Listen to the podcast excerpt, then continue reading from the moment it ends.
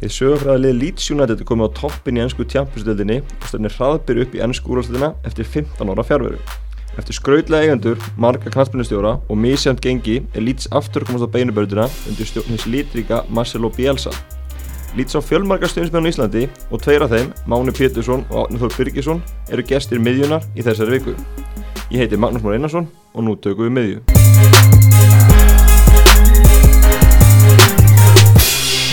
Verið velkonir og, og, og svæðu, er ekki gaman að tjá sig aðeins um Leeds?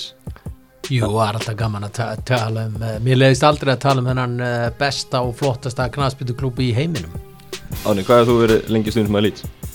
Úf, síðan ég var 6 ára, það er komin 35 ár, cirka. Já, þannig að þú gengið gefnum súrt og sætt erum að tala um að liðið var ennsku meistari hvað, 92 síðast? Jú, jú, Já, og er í, í meisteldinni í kringum aldamótin undanúslega meisteldinni móti Valencia á 2001 og við fæði aðeins að lesa upp liðsupplýningu Leeds í senleiknum, þá erum við með Nigel Martin í markinu, við erum með Leimers og Mark Viduka, Harry Kjúver, Río Ferdinand, Ian Hart, Oliver Dakort, Daniel Mills, Alan Smith, David Batty, Dominic Matteo, Erik Bakke, Becknum eru Jonathan Woodgate, Paul Robinson og, fleiri.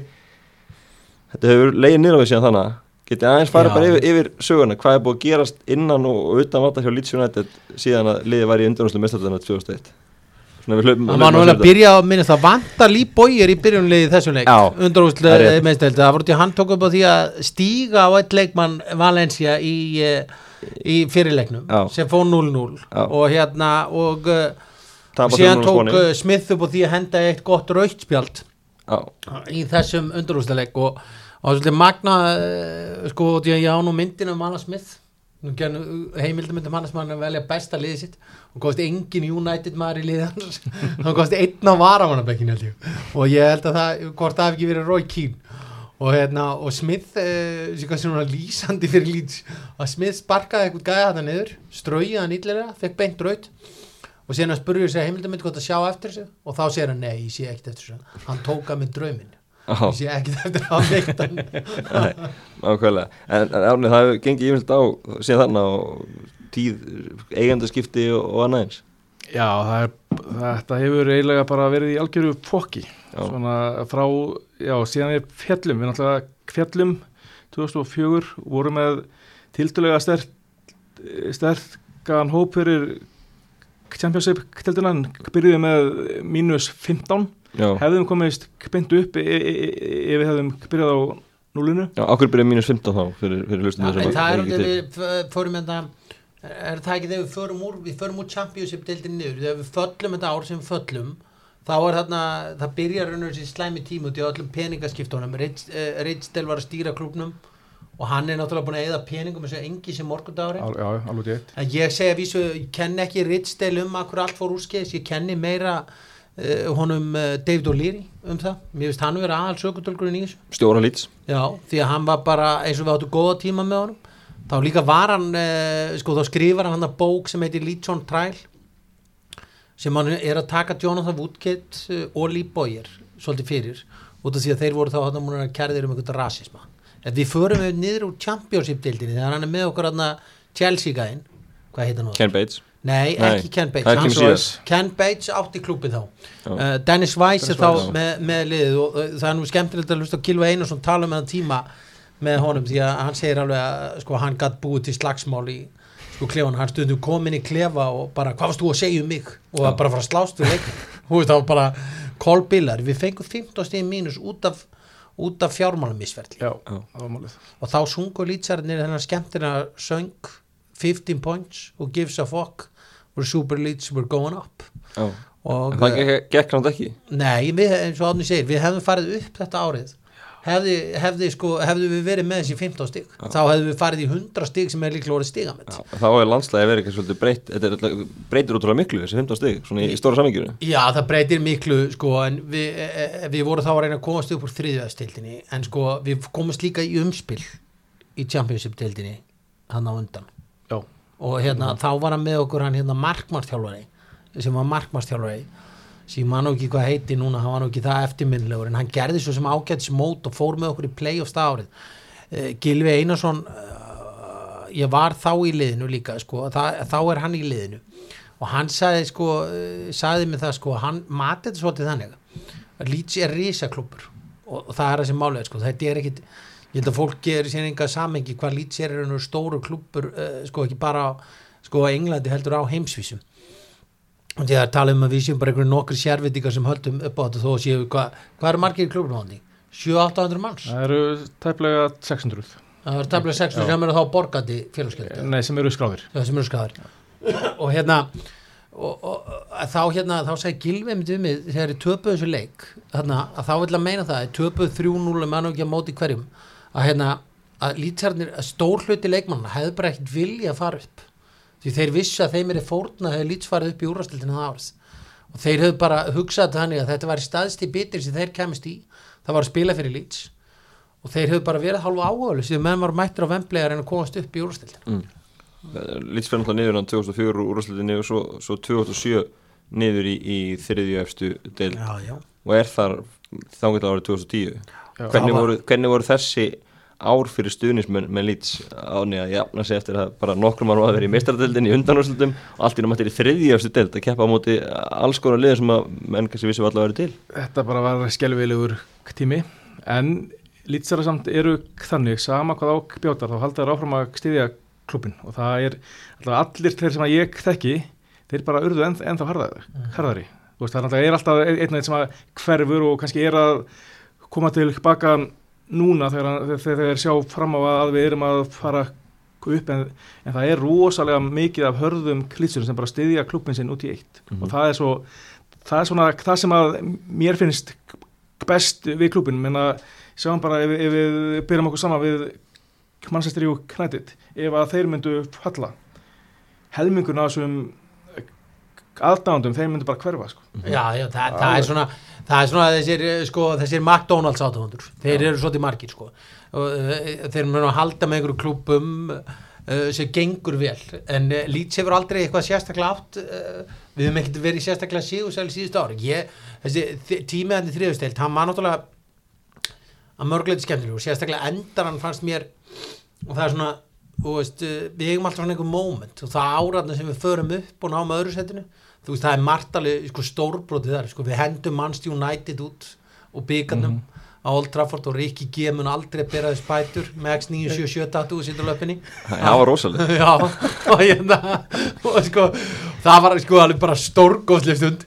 Og sér líka þegar við vinnum síðasta leikin það sem við erum að spila nú, ekki eins og hversu merkilegu klubum var hvort það var Bristol að hérna, Jú, Bristol. Jú, Bristol, að hérna að þá sko erum við meðan hérna framherja sem skora markið á móti, Beckford, Beckford, já, já. og Beckford er búin að vera sko það lélu, lítstunismenn er líka þannig að þú stendur þig ekki og það er verið að bjóða þér einhvern starri klub og þú ert ekki standaði fyrir félagi þá bara getur þú fokkaðir og þeir byrja að baula þig. Og þeir voru búin að baula á Beckford sko einhverja sko fjóra-fimm leiki þar á undan bara í hvert skipti sem hann spilaði og fekk boltan hann bara bauluður því að hann var bara búin að standa sér illa og þeir vissur henni að hann var að fara. Það sem fyrir, sko, Simon Grayson gerir þá sem er sko uppalið lýtsari sem er með klubbin á þessum tíma. Að hann tekur sko síðasta leiki sem lýts verður að vinna og lætur Beckford vera fyrirlið þessu leik. Sem er magnað atrið sko að taka þá ákvörun og ég segi það, þú veist hvernig hann las inn í stöðuna var stórkostlegt. Lýts sko lendir manni færri og marki undir og þurfa að sækja sigur Hásson jafnaleikin sem er uppalið lýtsari og spila núna fyrir Norwich. Og ég var nú treyju með honum lýtstreyju, þöks ég Hermann Hreðasni þakka honum fyrir það hérna. En síðan sko skorar Beckford sigumarki í þessum leik. Og maður sér sko, þú veist e, og þetta er svona, þú veist, ég man hvað ég var stressaður ég var að horfa á hann leik. Og ég alveg ég hef ekki verið svona stress ég var síðast ég var svona stressaður þetta var sama tilfinning bara 4. oktober 2014 sko, fyrir mig það hérna, maður var svo ógæslega stressaður það var svona moment og komast upp á þriðafsteldinu þá það var bara svo geggjað moment því lík sigur tilfinning að komast þarna upp sko.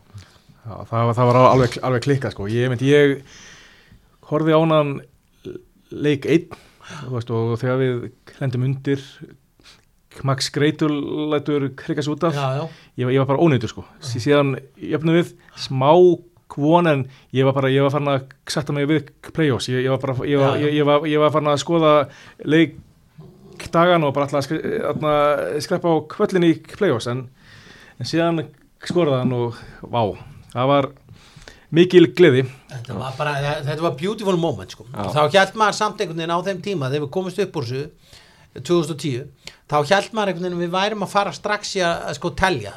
Og ég held að það sé búið að vera þannig að þetta sé svona sama grín og með káir alltaf hérna ári þegar menn voru að spá í efsteldin í fótbolta. Voru káir einhvern veginn alltaf spáð efsta sætinu. En sko lýtsjónunum hefur alltaf verið spáð í playoffs eða bara upp Já. úr uh, Champions League deildinni út í að starrið máls við erum bara of stóri fyrir þessa deild. Hann vilja allir vinna lýts það er þannig. Og hérna uh, en það hefur búið að vera sko alveg bara bjánalegt ástand á klubnum síðan er komið við Champions League deildina. Og maður er einhvern veginn og uh, hver þjálfarinn og fætur öðrum. Og ég verð að segja það hefur ekki neitna þessu þjálfurum sko einhvern veginn verið þannig að ég verið bara herri þetta er góð hund það var kannski helst þegar var ráðin að hérna Gary McAllister. Og hérna það var einhvern veginn svona helsta en annars var þetta allt bara og tímabilið þá var sko ráningarnir rótna svo fáránlegar. Ég man ekki þessu hvað þessi bjáni hét þetta sem var ráðin frá Rotheram sem að Kári Átna elskaði já, sá bjáni og síðan var einhver einn annar sko. Þeir voru, voru nokkur svona sko. alveg idiot, algjör idiot líka. Og þessi þjálfara voru bara einhvern veginn ekki nógu stórir. Það það maður var að segja sko þeir voru ekki nógu stórir bara til þess að yfir höfuð að, fá virðingu frá stuðnismönu félagsins. En náttúrulega við, við getum líka sko kent fyrri ítalska eigandarum um þetta, Já. hann var, nú, hann var nú algjör trúður sko. Já, hann var eh, mikill trúður sko. Að en við varum líka að gefa hún það að hann náði hennar nýja eiganda. Sem við erum um, sem ég held að lýtsarar hafi orðið bara sko fyrst var maður ekki alveg viss um þetta að fá hann eiganda inn en síðan hérna Uh, síðan einhvern veginn hefur hann uh, já hann byrjar við að ráða en hann uh, gæja þarna vinans uh, uh, vinans hérna uh, Guardiola sem er einhver vinur hans Guardiola þarna Danin þarna Thomas Kristensen já, og hann byrjar að ráða hann og þú veist og hann kom rosa vel fyrir. Það verður að gefa hann það fyrst er að byrja en ég verður að segja það var aldrei neina einustu mínút sem ég hefði trúið gæða og þegar maður sjá liðið upp að þess tímbils þá, þá, þá, fyrra. þá sá í fyrra og það byrjaði tímbili í fyrra mjög vel. Þá sá maður samt alveg rosalega veiklega merkja á því sko. og ég, ég hafði enga trúaði og hann átti að sjá, sjá það skoðanir mínir á stuðnismann síðu lýts á Facebook að, að sko ég hafði enga trúaði að þetta væri að fara að virka endalógin hans sem, sem er skemmtilegt að segja og ekki skil lýsi frá hvað lýtstuðnismenn eru sko blóðhittir að þegar það er búið að ganga illa þá ákveður hann að fara að skella sér að horfa mannsti sitt í mannsti United á Ethiat-vellin og það var bara eitthvað svona punkturinn yfir þess mm. það voru allir stuðnismenn brjálaðir að hann skildi fara að horfa á United og hann var mættur og eigandinn að afsaka það að hann skildi hafa verið að horfa á mannsti City vinna mannsti United og hann d- tók það fram alveg sérstaklega að hann var eða til að stiðja vinsinn Pep Guardiola og mannsti City í þessum leik sko. Þú veist, Það var lítill- lítill húma verið því í sem verið engan hóma fyrir því sko. Nei. þetta er uh, sko, ertu búin að fara á átni hvað er langt síðan þú fórst á völlin það er alveg konar tvær vikur. já, og hvað fórst á McDonalds staðin sem er hérna hjá líka? Nei, ég fórast hann. já, þú fórst hann, Já. þetta er, þetta er sko eitt merkilegasti McDonalds staður í heiminum. Þessi McDonalds staður sem fyrir utan Elandrút og því að þegar hann var settur upp á sínu tíma þá fegst ekki leið fyrir að setja hann upp nema að vera ekkert raukt sjáanlegt á stanum sem er, sem er lí, lýsi kannski um stemningunni að menn eru mjög blóðhettir þannig í lýts Já, okkala, og það er mikið hattur í neðið Já, það er, það er það og það var það sem sko United klúraði raun og veru byggarústaleiknum og það var það sem málegur og Michael Carrick talaði til mig um þann leik fyrir byggarleiki sem þið spila 2010 að hann var búin að sem ungur vestamæður þá var hann búin að drey, bara alltaf verið draumur að spila þennan leik. Leeds Manchester þetta er kallað alltaf War of the Roses að með minnir þessi leikur. Og hérna og, og það var kannski málið, þú veist að Ferguson gerði þau mistök að gera hérna tvenn mistök í leiknum sem maður er fyrsti maður til að viðkynna sjálfur. Að það er það sko hann stillir ekki upp nógu ennsku liði. Liðið sér skildi út af hvað þetta gekk.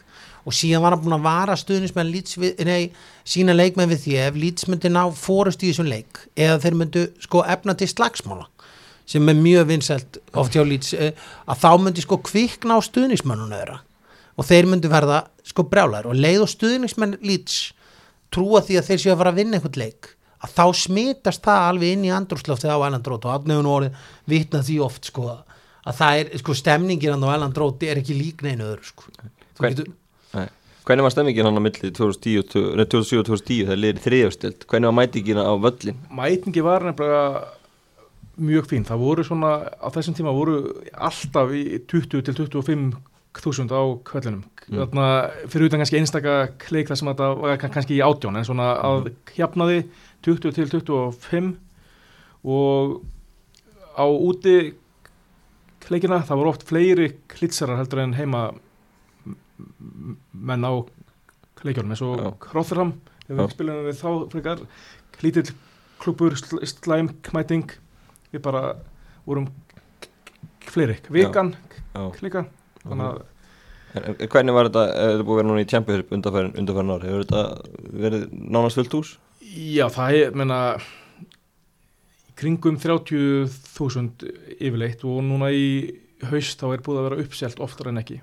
og það er, þeir eru ekki að maximasa völlin sko, það er sem ég held að sé með, það er búið uppselt meira en ekki, þeir eru með hann í 30, 50, 38 en völlur tekur 40.000 en það er einhverjar sko öryggisreglur uh, enska knaspundsamsi sem verða til þess að, þeir megi ekki selja uh, meirinn á skilst. já, og svo líka aðdándur úti liðsins fá alltaf ákveðin kvóta og, og þau knýta hann sjálfnast því að ég, ég, held að það fara svolítið eftir starð kvallana já, þannig að þeir fá miklu stærri kvóta á, á Elland Rót en þeir ekki geta nota þannig að, þannig að þó það sé uppselt þá hafa þeir að mæta svona þegar kringum 36 þegar það er uppselt Lýts fyrir upp hana 2010 og síðan hefur þetta verið þrautakanga í Champions-stöldinni. Hvað er búið að svona ganga á síðan þá, síðan 2010? Og kannski helst bara auðvitað, það er byrjum á þessum eigendum, hann er Ítali sem að kaupi félagið, Massimo Celino. Já, þannig að koma þarna inn, inn einmitt þessi Ítali sem að á þá sögu, hvað hann átti átti hann ekki Cagliari eða.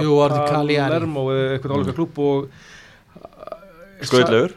Já, menna saga hans þar og ég held að hann hafi verið með tvo og halvan þjálfar að hjapnaði á hverju tímakbili Mhm. þannig að bara, ef þú tapar tveimur leikjum þá bara varstu reikin og það er bara tók svipað við hjá okkur. Við vorum með tvo, þrjá þjálfara á þarna flesta af þessum árum. Engin stöðurleiki þetta var alveg sko. veltan alveg skelvilega og- hann ætlaði að koma með peningin í þetta og ætlaði að gera hitt og þetta síðan stóðstæðileg ekkert og við, ég, ég, ég held að hann hafi bara atna, tekið meiri pening út úr klubnum en hann setti inn í hann á endanum. Já, og hann hérna líka sko, hann var alltaf undir sko rannsók fjármála Já, eftir þessi í, í Breitlandi og það náttúrulega lá alltaf á klubnum alla tíman sko. Og hérna, og, en menn voru svona sumir sko, eh, ég man að mér var eins og send uh, grein frá einu Marcelmann og Jóni Kaldal að senda mig greinu með um það sko hvort að þessi, þegar hann væri svo sko, fundi, sko ófundamental þessi gæi sko, þú veist, hausinn á hann væri svo rugglaður og hann væri svo rugglaður segandi og hann var að fara inn í þennan klúb sem væri svo rugglaður og væri búin að vera í svo miklu ruggli að þetta gæti bara orðið tveir mínus og eruð pluss það var, var hins vegar aldrei. Nei. og það sem gerðist í raun og, veru og, þú veist, og það ég held að allir hafi verið mjög ánæð með hann hætti. Hann tekur þess var upp á því sko hérna, síðasta árinu sínu og þá náttúrulega er, er komin óanæð með hann og þá tekur hann upp á þessu að segja bara herðu ef við seljum allir skaupa ársmiða og uh, ef við komumst ekki í playoffs þá fóðið helmingin endugreitin og það var náttúrulega málið hann seldi fullt af uh, ársmiðum. Það sem gerist núna fyrir þetta tímbil var náttúrulega nýja eigandinn, hann endugreiti helmingin á ársmiðan Já. út í hann kosti ekki playoffs í fyrra og þurfti að taka þá skuldbyttingu á sig. Já. en við getum á þessu sko þakka fyrir nýja eigandanum fyrir það sko við getum að mörgleiti þakka Liverpool góðsjón fyrir það að við séum í þessari stöðu sem við erum í dag sko það er náttúrulega svo að, að þegar hann er hérna eigandinn okkar, hvað heitir nú eigandinn okkar nýja? Andrea já. Radrizzani að hérna, hann sko er að tala um það við Kenny Douglas uh, hvernig sko neða, hvort, var ekki Kenny Douglas, það var Kevin Keegan sem hann var að tala við að hérna, að þá uh, er hann að tala við þá um að hún langistu til að kaupa fótboltaklub á Englandi því að fótbolti séu mikilvæg á Englandi og, og þá fóru þau skilabó bara keiftu Leeds Mm. það er bara sá klúpur sem er örugglega mest sóknarfæri. Já. Og, því að eh, leiðu kemur þessu klúb upp í efstu deild þá er þetta ekkert fann að ná inn eina eðlilega tiggur þetta sínaði sig núna að það búið að sína fleiri leiki með Leeds í beinni útsettingu heldur út af sko, einhverjum sko Premiership breyttitum hana heldur um stóru klubunum í Englandi. Og, ég, og það segir ímislegt en það syngja stuðnismenn Leeds uh, er uh, vinsett söngur þar, hann fjallar um Sky Sports og, og hvað sem mikill viðbjöður þeir eru en, en þessi nýji eigandi, hann kaupir félag árið 2017 en, en þetta var, var þetta ekki erfitt árni að horfa upp á félagi hjá Selino í, í, í, bara í, í höndunum á honum hvernig Jú, þetta gekk allt saman það var alveg skelvi, hvert grín á fætur öðru í Já, rauninni. þegar hann byrjaði þá náttúrulega var maður bara yes, nú kemur einhver sem á peninga og leggur eitthvað í þetta og nú Mm. bara nú er okkar tími kominn sko. Það byrjaði alveg á, ágætlega. En þú veist síðan klentan í þessari kransókn og hann var dæmtur sem óhæfur eigandi og, þú veist og síðan áfriðaði hann, hann, hann því og það var svona alls konar eh, dót sem að kvildi einmitt á klúknum bakvið tjöldin. Og svo einmitt þjálfarnir þess að þú veist engin stöðu, stöðu kliki þannig að og, og, eins og það bara sést á stöðunni, ég held að við höfum endað í 12. til 16. sæti einhver fjögur, fimm ári í rauð þegar hann átti klubin og, og, og í, þú veist, maður svona held alltaf í konin að þetta ár er árið en, það- en sá draumur var yfirleitt dáin í november þannig að Mhm. Mhm. Hvernig var mánið, ég meina mikið passum fyrir lítið sér þér og, öðrum stundismennum liðsins að horfa bara upp á gæja sem að einhvern veginn gerir allt ránt og, og veit einhvern veginn ekki hvað hann að gera Já, ég get að ég keifti með að í vikingulóttunni ykkur einustu viku til að vona til þess að ég myndi vinna til að geta keift bara þennan klúb því ég var nokkuð samfður um að ég geti gert sér hluti betur en hann sko.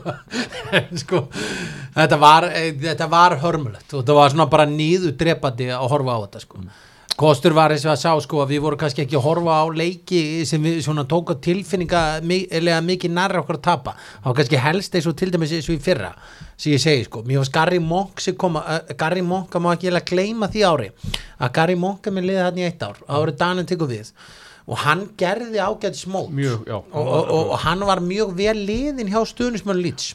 Hann fer með okkur í sjönda sætið missir af playoff sætinu en, en mér fannst í raun og veru að það var svona fyrsti tími sem ég upplega að við varum að leiðin eitthvað. Mér fannst Gary Monk skilja um hvað Leeds var og hérna og, og hann fekk menn til að berjast og leggja sér fram. Og hérna og, og, og mér fannst í raun og ég var ekki hrifin af þeirra ákvörðun þegar hann var látið fara sko. hann segir náttúrulega alveg hann segir sko Leedsarati letuði þið veðri vaka hann hefði sjálfur ákveð að fara en hann heldur því alveg blákart fram að það sé lí hann hafi bara eigandinn, ný eigandinn hafi ákveð að hann skildi fara. Og þá vorum við til dæmis að tapa fannst mér sem meðast verra og það er ástæðan fyrir kannski maður lesi í það að þetta hafi ekki verið nóg gott. Var að við vorum að tapa þessum grannaslugum og, og það er eitthvað svona atrið sem lýtsar að taka mjög mikið næri sér, þú veist að tapa fyrir einhverju drastleis og höttisvild það er til dæmis, eh, sko ég fara á leik Leeds Huddersfield og það var eitthvað rosalasta sem ég séð á æðminni sko og hérna bara var þetta hvað snýra öryggiskæslu og öllu hlutum. Nákvæmlega. Það voru sko þeir búin að sem er ekki gáfulegt. Að höfði þessi áriður ákveða sko klæða, hvert, klæður er Billy B- Brem, máluðu stýttuna bremnir bláa. Já þeir máluðu stýttuna Bremnin bláa. spreyið hana. Og það bara, og Lítsrætti fóru með það inn í leikinn. Staðan var á 3-0 eftir 15 mínútur fyrir Líts sko. Þú í ert ekkert mikið, sko það þarf ekki mikið til að æsa lítsturismennu upp og það eru góða sögur á því í meistaradildinni. Þú veist, þegar belgarnir og, og, og bæði, sko andilegt voru búin að tala niður Líts og Barcelona líka á sínu tíma.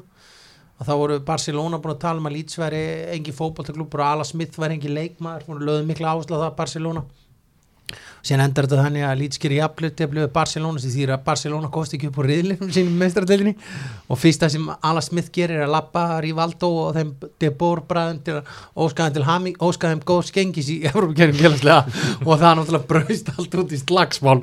Sem var svolítið stemningin sko og hérna en þetta var uh, sko það sem eiginlega heldur mann alltaf og við hefum sagt sko með að vera með Leeds stundismæður og þegar það er búið að vera svo mikla breytingar á þjálfarum, leikmönnum og öllu þessu dóti sko lítstundismenn hafa bara átt erfitt með eiga ná sko, sko ástfókstri við eitthvað leikmann.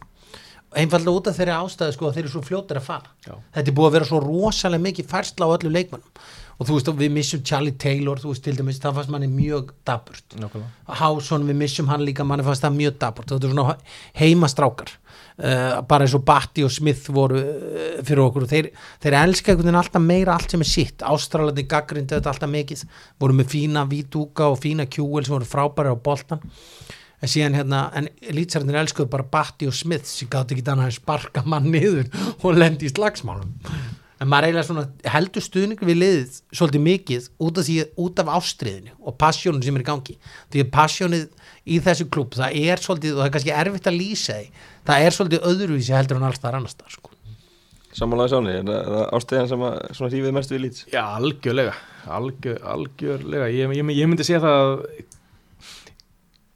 Leeds stuðningsmenn, þetta er, eru með hörðustu stuðningsmönnum í, í heimja, þegar náttúrulega þeir hafa þurft að þóla í ímislegt, ekki bara síðustu 15 ára, heldur, heldur bara ára tugina þar á undan við, svona, við, við höfum alltaf átt okkar tíma í knæðri tildum líka, sko, þannig að við en við siglum alltaf í gegnum þetta þe- og þarna á úti kleikjum það, það bara í öllum dildum, það eru yfirleitt alltaf fleiri klitsarar á kleikjunum heldur en heldur, heldur en stuðningsmenn annara liða Já, ég lýtsarnir eru held ég bara sagði tölfræðinu, duglegast er að ferðast af öllum liðum sko. Mm. og það virðist vera sko alveg saman hvort það er í, í úrvásteildinni eða championship-deildinni. Hafið þið farið á, á útilegi með, með lít? Nei, það er draumur minn, hefur þú farið á því? Ég fór á, já ég far á nokkra en eftir minni legast er Millwall Leeds Fóstu á brjálaðis? það, og ég hef aldrei upplifað annað eins, ég get bara, þú veist, ég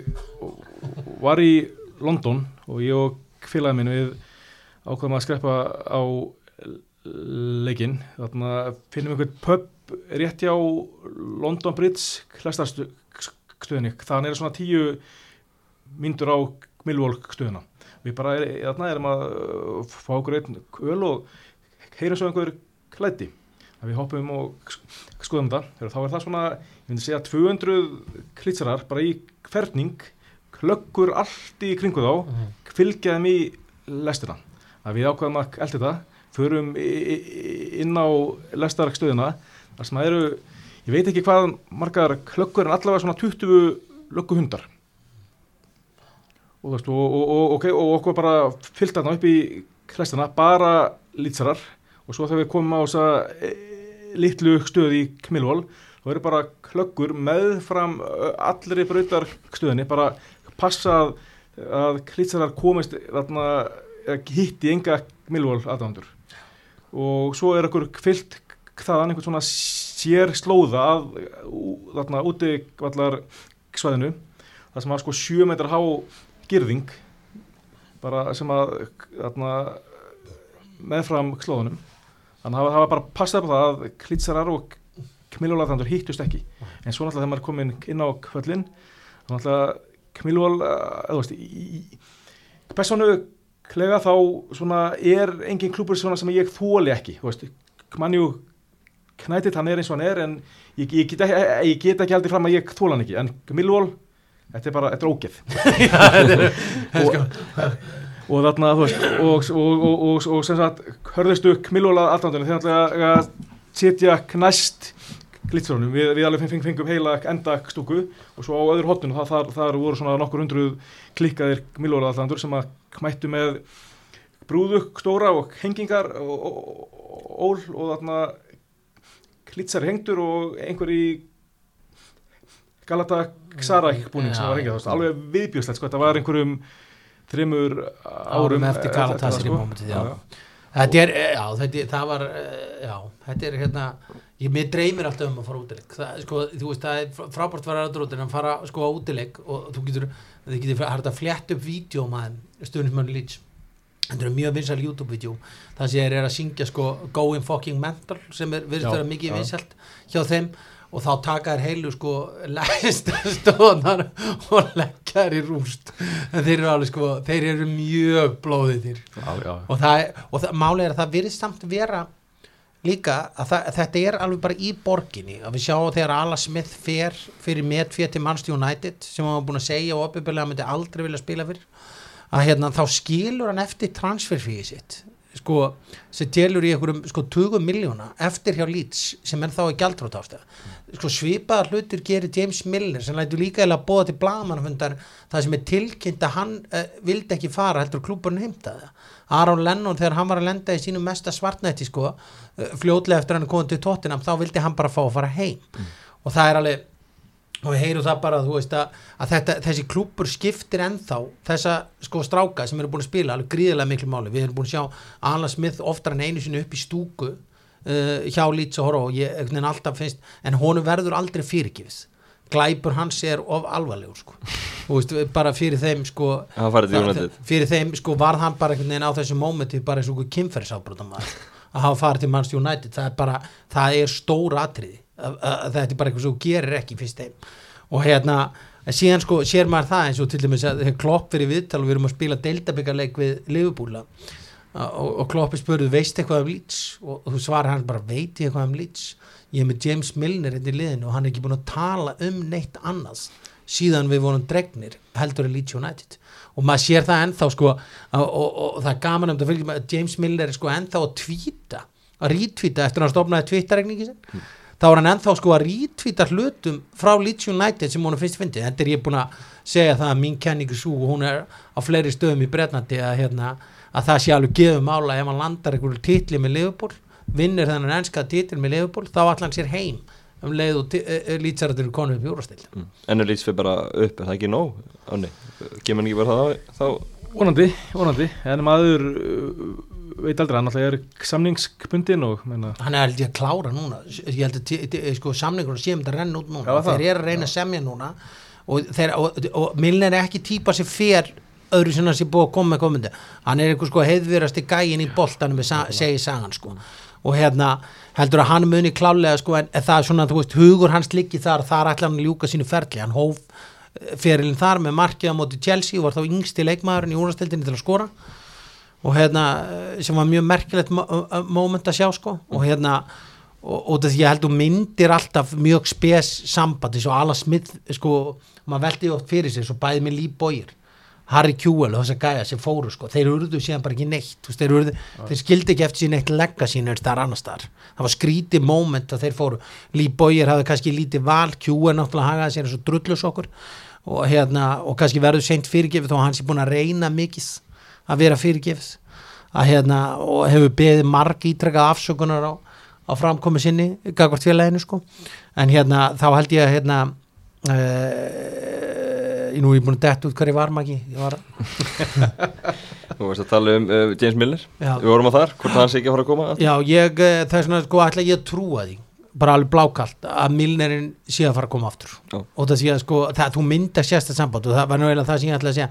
Var eins og með Alan Smith og svo sorglegt að hann fór út þegar hann spila síðasta leikið sér fyrir Leeds sko þá hlaupa stuðnings með klúpsins inn til að hann. það vissi allir að hann var að fara.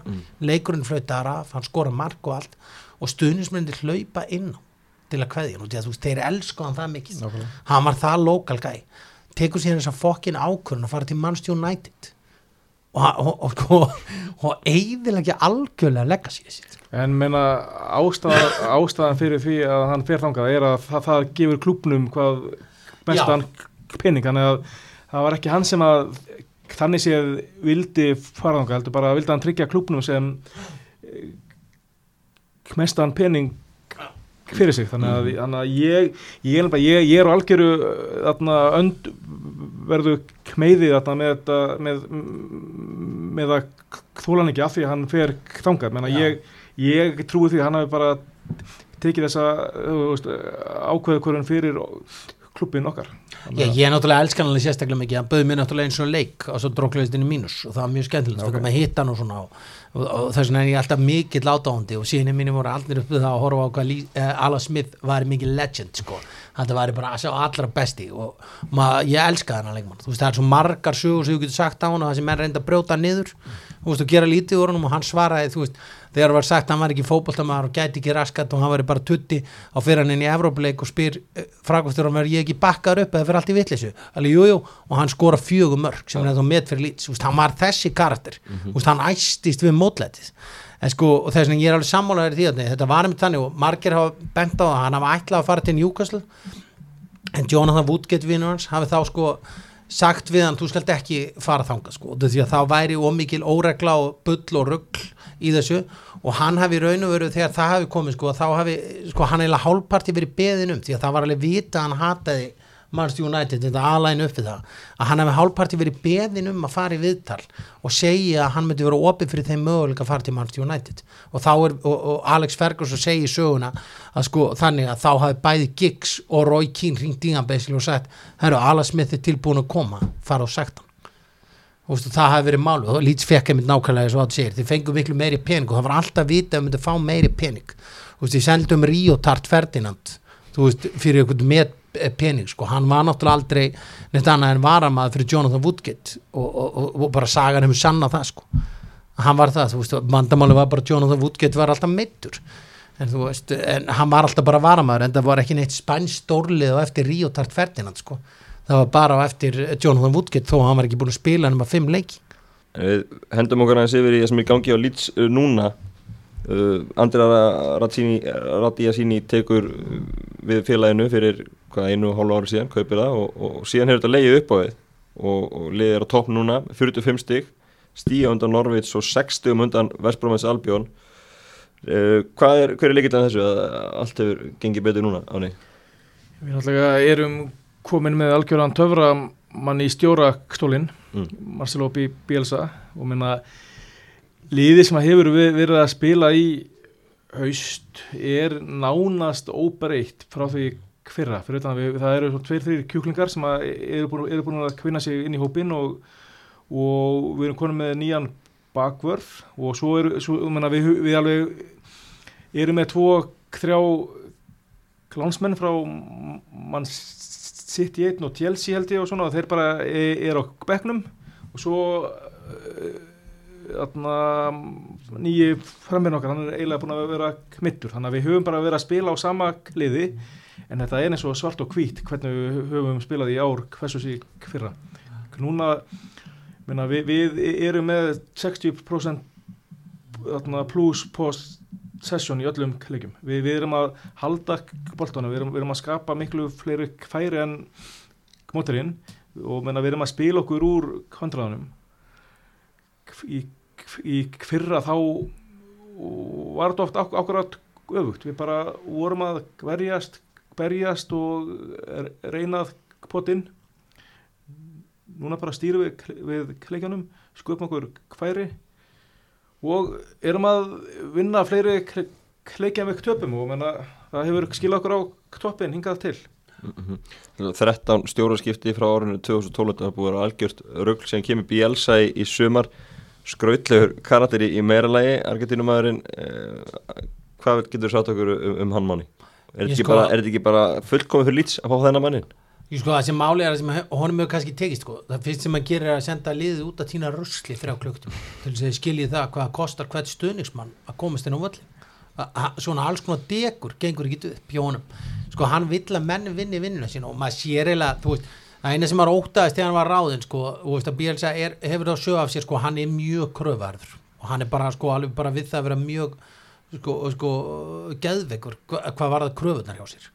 Og, og það er einmitt magnaðatri, þetta er svona svipaðatri og klopp talaðum þegar allir ennsku fjölmennandi voru að spyrja allir ekki, hvernig ætlar að kaupa, hvernig ætlar að kaupa? Það voru einu spurningan sem geng út á klopp fyrstu sex mánuðin í starfi, sko, hvernig ætlar að kaupa? Og hann sagði alltaf, þið verðist ekki skilja að það er þetta þjálfu upp liðs og Bielsa er um að gera nákvæmlega þennan hluta. Hann er að þjálfa upp liðs og maður sér það bara hvernig hann sko tóttinamstjóri uh, Pochettino. og, og Pep Guardiola þeir tala um þennan gæja. Þú veist, þeir tala bara að þetta gæji sé bara hugmyndasmiður fótboltans. Eh, sko, hann er höfundu leikjafsins þrýr, þrýr, þrýr, einn sem er mjög erfitt að skilja það leikiri en það þýðir hann og það er það sem er svo brjálagslega flott við lýts að það, við pressum alltaf og við spilum boltanum alltaf. Og þess að ég segja, þú veist, við erum er að horfa eiginlega leikina. Og það sem possessionu okkar sko er 67 til 70 brot ég held til dæmis ef við varum að spila í Premiership deildinu núna með þennan fótboll sem við erum að spila þá væri við fyrir svona miðjadeild Mm. vil ég meina.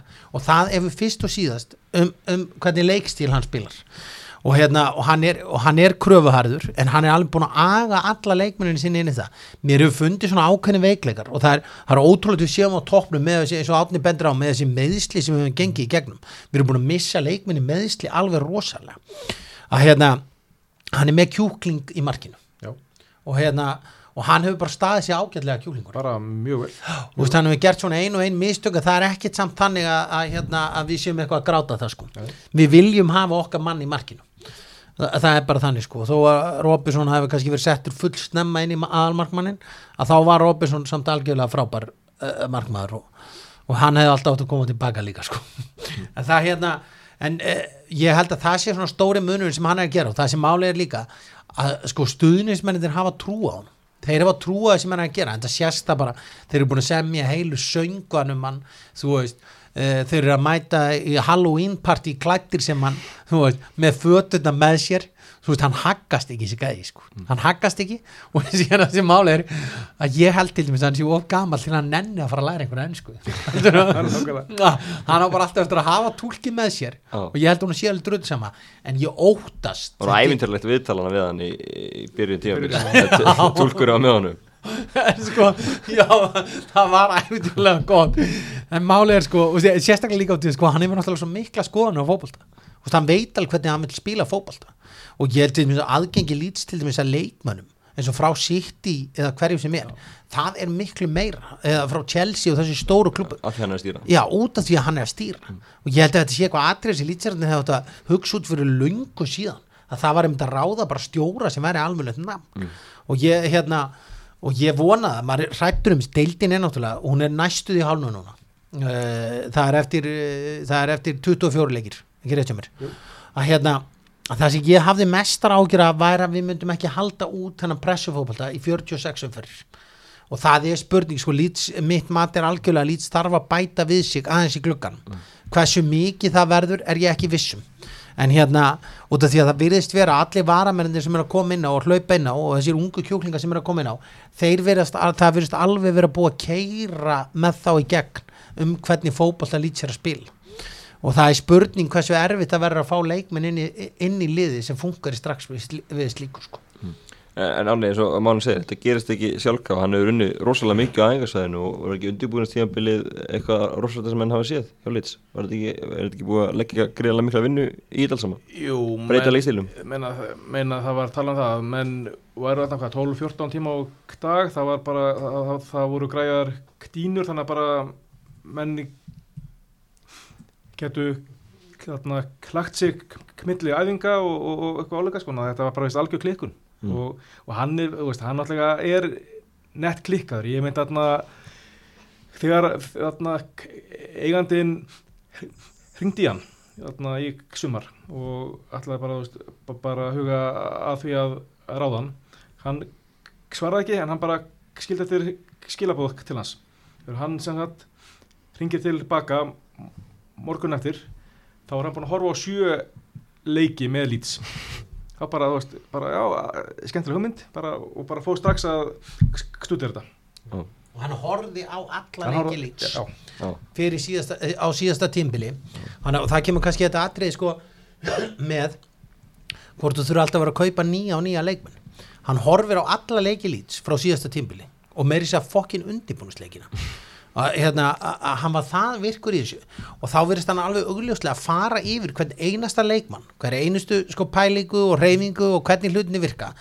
Og það verðist þeir svo að þegar hann mætir á æfingu þá vita bara, herru, ég er að fara að vinna með liði svona. Já, og hérna, menn held á tímbili að Pontus Jansson sem ég held nú mikið upp á uh, svíin sænskur hafsendið ekki? En það er hann sko þú veist, það sem ástæðan fyrir að elskar hann er að hann kann að búa til læti og þegar, þegar, sko, hann hendi sér bara þegar hann veit að það þarf að kveiki í annan drót og hendir sér hann bara í einu góða tæklingu. Eða byrjar að búa til einhver slagsmál og eitthvað. Hann- og þá veistu þú kveikir í öllu krátinu. Hann skilur lýts. Hann skilur lít, það er það sem málið er einmitt nákvæmlega, þetta var sem fyrir Ian Hart gaggrind einmitt sko, að það var að Ian Hart sko fór og horfði á ungmennalið lít spila og það töluðu allir spænsku og, og eitthvað svona og þetta fór töðan það þetta meikar ekki sens. Vill ekki hafa þetta svona en hérna, en maður sér það eh, að býja alls ekki, þetta sé alveg rétt að dæmið ef hann kemur lít upp þá sko, jésús hvað það verður klikkað mm. þá verður partí þá verður svo rosalega partí sko. Hva- Hvað er þið standið núna? Hvað þóruð að fagna mig? Þetta er prósendum? Hver, hver er líka nú að Leeds veði komið í úrúslina í ekki spyr ég svona þetta er rosalega, sko málið þú voru átt að við erum náttúrulega erum að stýðja klubb sem er sko hefur alveg einstætt lag á Valdóku Vombrum Mm. svo við orðum það bara eins og er sko, þú veist það er einstætt lag af Valdóku Vombrum en hérna ég veit það ekki, hversu bjart sín þórum við að vera ég Þú veist, mér langar til að segja sko, er að, það er búin að koma svona nokkri leikir sem maður hefur áhyggjur að þessu, deildin er gríðalega jöfn, en við erum samt konið tíu stigum frá því að lenda í, í því að fara í playoffs. Og ég er mjög, ég verð að segja að ég er mjög hrættu við að fara í playoffs. Mm. ég held að sko, þá ertu bara komin í þrjá og þrjá, eh, sko já, tveggja leikja og einsleiki mót og við höfum bara ekki farið uh, okkur hefur gengið mjög illa í þessu playoffs. Já, já, algjörlega, en sko talandi um það hvað, hvað hún er jöfn, þú veist, við erum núna búin að vinna fjóra leikir röð, að fimm reykjur fimm, já. Fimm Fyrsta röð og- skipti. eitt mark á sig í þessum heimleikum fyrsta skipti bara síðan 2009 og sko fyrir þessum fimm leikin þá voru við í þriðja sæ- sæti held ég þreymur stegum á eftir topnum, bara í svona pakkaramatna Mhm.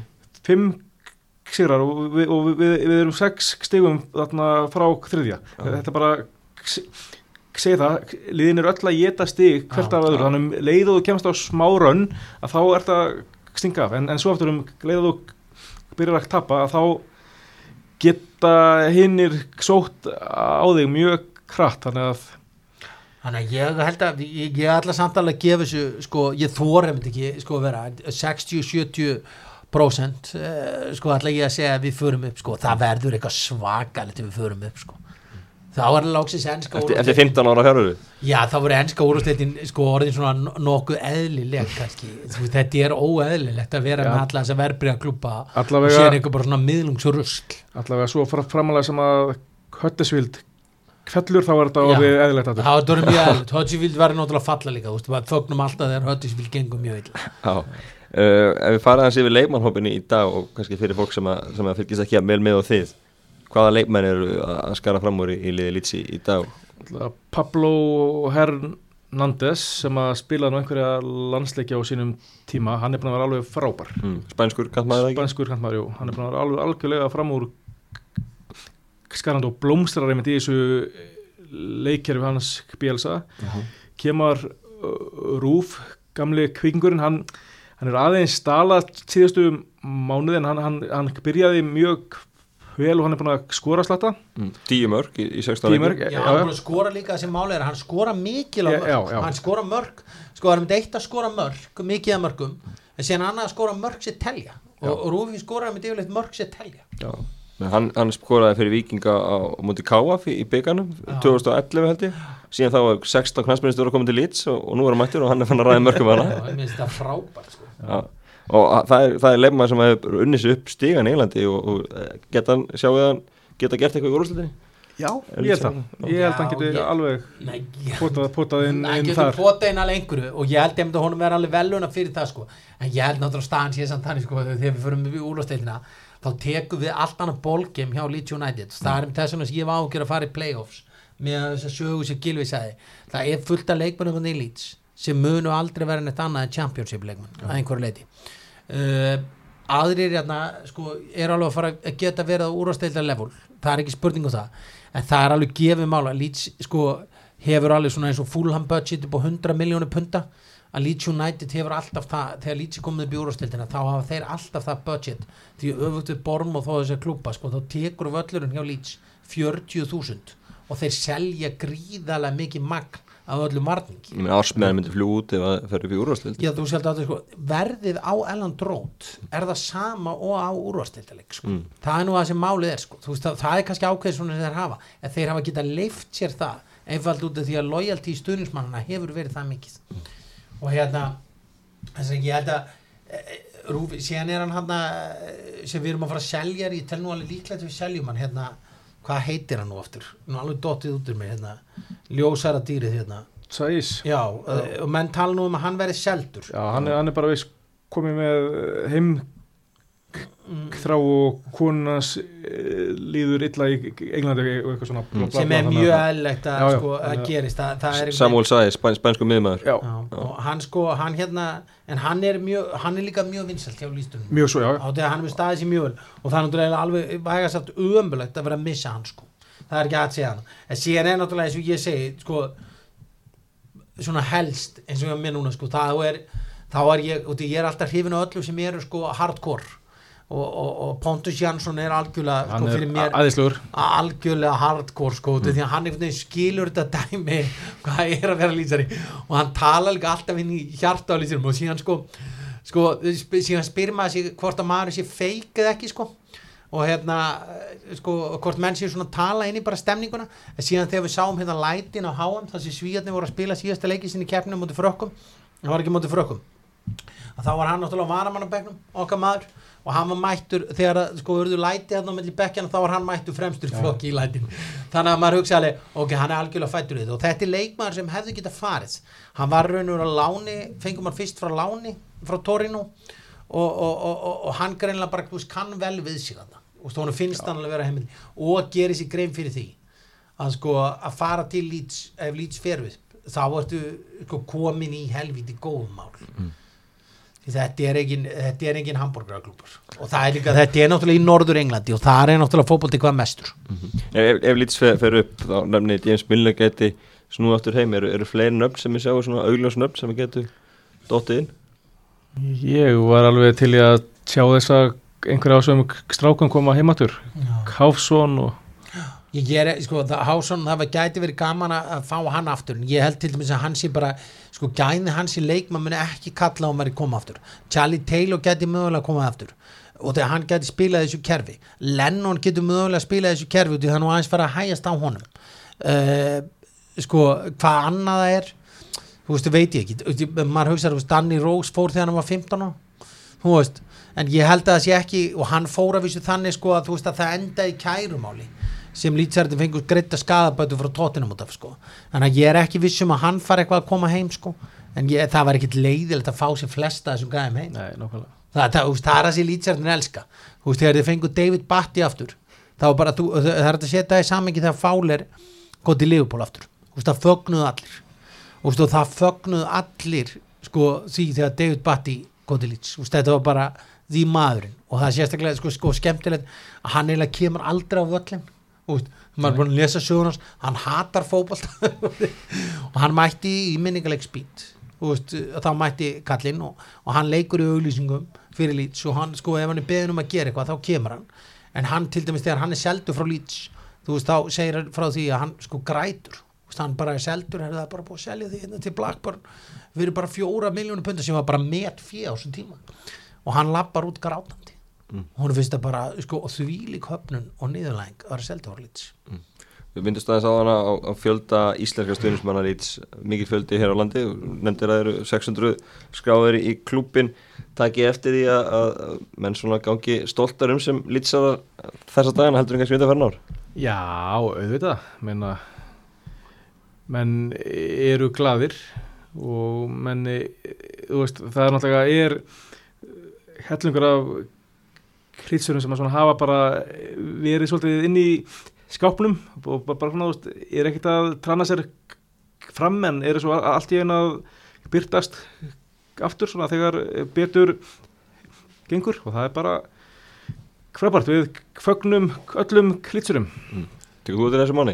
Já, ég, Þú nú er eiginlega einn að rífa kjáft svona mikið ég er náttúrulega alltaf mikið ríðu kjáft Já. yfir að vera lýtsæri og, Já. þú veist, og, og það er náttúrulega alveg ástæði sem ég er alltaf duglegur að minna eigamenn og það er einn ástæði fyrir að þeir eru í hvítu er út af lýts, það er nú bara málið og, það, og, og að þósteinn uh, uh, vinnum minni Grindavík, hann segir mig það að það sé nú líka það að Grindavík er guðlu út af lýts þetta hafi verið formum, tíma og þeir hafi valið þennan lýts sko. og hérna, já, ég ma maður verður kannski meira var við hann ég, ég hef svo sem alltaf verið stoltur að vera lýtsari mér finnst alltaf hafa verið eh, það var alltaf fyrir mér verið mjög töff að vera lýtsari og hérna út af því að það, það er leiðilegt að styðja klúpa bara út af einhver sko. mm. Vist, ég man alveg mómenti þegar ég varði lýtsari það er bara eftir 5-4 tapleika mútið liðupól það sem maður tekur og sér sko sko áræðina og, og, í, í mannskapnum sko og, og hvernig sko stemningin og annað sko keirist upp í þeim og þetta sé svona lið sig gefst aldrei upp. Og slít sér ekki að láta niðurlega sig. Þá er það í því það bara menn fá tvöruð spjöld og stundum hefur verið tveimu færi og samt unni leik. Veist og það hefur alltaf verið, menn hafa alltaf verið með kassan úti. Og þá hafa menn, menn sem spila fyrir lít segja skilja það ekki, þá hafa það ekki að gera lít það hefur alltaf bara verið viðmótið. Það er svona ég er svo sem verði ekki eitthvað sérstaklega var við að lýtsarandi þóra eitthvað að koma út úr skapinu núna því að það, ég hef aldrei skammast mín fyrir að vera lýtsari og ég veit ekki um neitt sem gerir það. Lýtsari er yfirleitt alltaf mjög stoltir. Já. En lýtsurum er ekkert mikið að fjölga á, neða, það, yngri kynslu undan er kannski ekki búin að vera velja þessi lít sem uppáhaldsfélag undan farin ár. Nei, það er nú ekki mikið um það sko. Nei. en samt eitthvað. Ég, ég menna, menna við þessir hörðustu krýtsarar, við, við erum ansi öflugi að gefa þarna börnum í kringum okkur búninga. Já, Nákvæmlega. við reyna að smita þau. Já, erum að reyna smyndu og þessi máli er líka það er vissu sagt sko og ég heyrði þetta myndi hjá stuðnismannklubnum okkar sem hittist nú alltaf reglulega hérna að sko að hérna að það hefur verið reglan sko ég hef farið sko á Emirates sem þurfti að fara ángað til börnum minni og Arsenal stuðnismenn og þá sko hittir maður alltaf annars slæði einhvern íslending sem er alveg ég er hérna bara líka ég er lítið sér og þú ég er hérna bara út af börnunum mínum. Og menn eru svona að afsaka sig. Og það er náttúrulega er, við, sko það er náttúrulega fyrir sko lítið stuðnismann að missa batni sitt í að halda með Manchester United er bara og að, þú veist að missa batni áfengis eða vímöfnistli þetta er bara ræðilegt e, dæmi. Og ég bara sko óska þess engum að lenda í svoleiðis að en einu lítið sér að þurfa að eiga bat sem heldur Manchester United sko. Eh, bara við sendum Arnar í bjössinni hverju með þetta sko. Því ég held að hans er búin að lendi þessu. En málið er hérna það hefur óttur sagt að menn fara sko með batni sitt á til dæmis old, eh, hafa lendið þessu þegar það fyrir batni sitt á Old Trafford eða eh, sko hvert sem er á okkur annan völlin og farið síðan með það á Elland Road og þó að leikmennið séu miklu minni stjörnur þá verða bara þeir sem mæta á Road þeir verða svo upphrifnir af öllu brjálæðinu sem er hann í gangi að börnin er bara, herru ég er að fara að spila fyrir þennan. En, hvað klikkaði að þér? Arsenal, uh, Herðu sko, þetta byrjaði alveg vel hjá mér sko, síðan náttúrulega þegar við erum konir í þriða stilt sko, þá er það einhver leikskóla eh, stemning að menn fara að halda með Arsenal og, og þetta er, eh, þetta er skrítið. Þetta var var, nei, sko ég er raun og böggað mig ekki að því þegar við vorum þriða stilt, það var svona erfitt að vera að halda því eitthvað að börnunum sínum. Já, og ég er náttúrulega maður þakka bara þá fyrir að börni mín eru ekki mannstjón nætt þú veist, það bara, þú veist, maður getur alltaf verið þakklátt fyrir eitthvað sko. Þau taka sko, en þú veist, þetta rist er ekki djúft en þú veist, þau eru ekki búin að finna hjarta í þessu. Svona minn ákvað, svo yngra ákvað að halda með Liverpool til dæmis í eitt ár sko. Þú veist, þú þetta rist er ekkit mjög djúft sko hvernig með, með nýja lýtsar sem vilja kannski koma fram á- núna og gangi í klubin, hvað er þeir að gera hann Þau eru bara að kíkja á Facebook síðan okkar. Já, bara leitað stuðningsmannaklubur Klíts á Íslandi og þar eru mjög fjörugar um uh, um ræður um klubin og kliðið og allt sem að því við kemur og bara mjög skemmtilegt og málefnalegt. Já, er það er aldrei neitt, það er svona skýta skýta, þetta er, lýtsar eru almennt mjög vanda fólk, maður sér þetta ofta á, hjá öðru klubum og, og sérstaklega á Twitter sko, þetta er miklu vandara umræða hjá lýtsurum heldur en hjá kannski öðrum stundismenn því að lýtstundismenn eru yfirleitt miklu vandara fólk heldur en annað fólk. En það er harður og, og góðu kjarni sem að stiðu lýts já mjög, mjög. Hann er svo grjótarfis í gardi þú veist, þegar maður er að hitta fólk bara út í bæ Já, sem gefur heil saman og því að veit maður er lýtsari Aha, nákvæmlega. Og er, er, er verið að horfa á leikina, horfið þið saman leikina eða, eða náðu náðu að sjá þessu leiki? Við e, reynum nú að hittast alltaf á Ölver Já. þegar e, leikir eru síndir sem hefur verið mjög oft á þessu ári Mhm. og já, það er alltaf ákveðin kjarni sem að mætir þangað og svo líka stundum við fyrir þarna út til krít svona höfum við að, verið að fara tvisvar á ári Mm. og það er alltaf alltaf frábærar ferðir og því að við, við vorum að tala um stemningu áðan, ég, þú veist, ég ég er búin að fara á örgulega yfir 20 k- kvelli í Englandi og svona stemningin á eh, Elland Kró toppar eiginlega alls saman. Það er svona eina svona sem að ka- kannski ég get sett á par við að það eru Evrópukvöld á Anfield. Mm. Já, þú veist, við setjum, og nota meina við setjum Európa-kvöld á Anfield svona á pari við þetta á, á, en við erum að tala þegar við erum að spila í fyrstu og annar, Já. annar er það þess. Þetta er, lítið sem að þannig, ég nú bætt við einni sögu, einna með það að, ég, að þegar ég eh, var á henni aðstofa þegar ég kepla ykkur, þá var Kristján Guðsson kom með margar hugmyndir af því hver að vera aðstofa þegar ég kepla ykkur og sér kemur hann með þessar skrítnu hugmyndar á Þorkel Mána sem aðstofamann og fær þessar rosa fínu viðtökur af formarinn í keflaðingur þetta sé frábær hugmynd og sé bara eins og besta sem hann er heyrt. Og það verður úr að ég fyrir keflaðingur sem aðstofþjóðlagi og þetta kom nú Kristján svolítið óvart sko að þeir skildi á að tekið svona vel í þessa hugmynd. Uh, við erum jafn kjaft fór og ég er sko. Þegar ég var búin að skrifa þetta í samlingi þá segir formarinn þetta er mikið ánæg efni að við séu konum með fleiri lýtsara herinn sko og það var það náttúrulega sér ég í úrslitum að hann vissi það að allir lýtsarar hafa vita fótbolta en það liði stjóri keflaðingur til 20 ára Jón til Örvar? 20-30 ára og einhver besti liðstjóri á Ísland og, segi, og hann er mitt stopnaði klubin Já, hann stopnaði klubum, var okkar fyrst í fornar og hérna var með númerplötuna Leeds er hann þá? Er hann þá? Hann er svona ljónar Lítsarar tengjast út um allt land og, og gleðast þessar dagana. Vonandi bara fyrir ykkar, ykkar hönda að þetta verði gleðið út tíðanbili og Líts fara aftur upp í úrvarslutina við skulum segja þetta gott í bili, takk ég að það spilði takk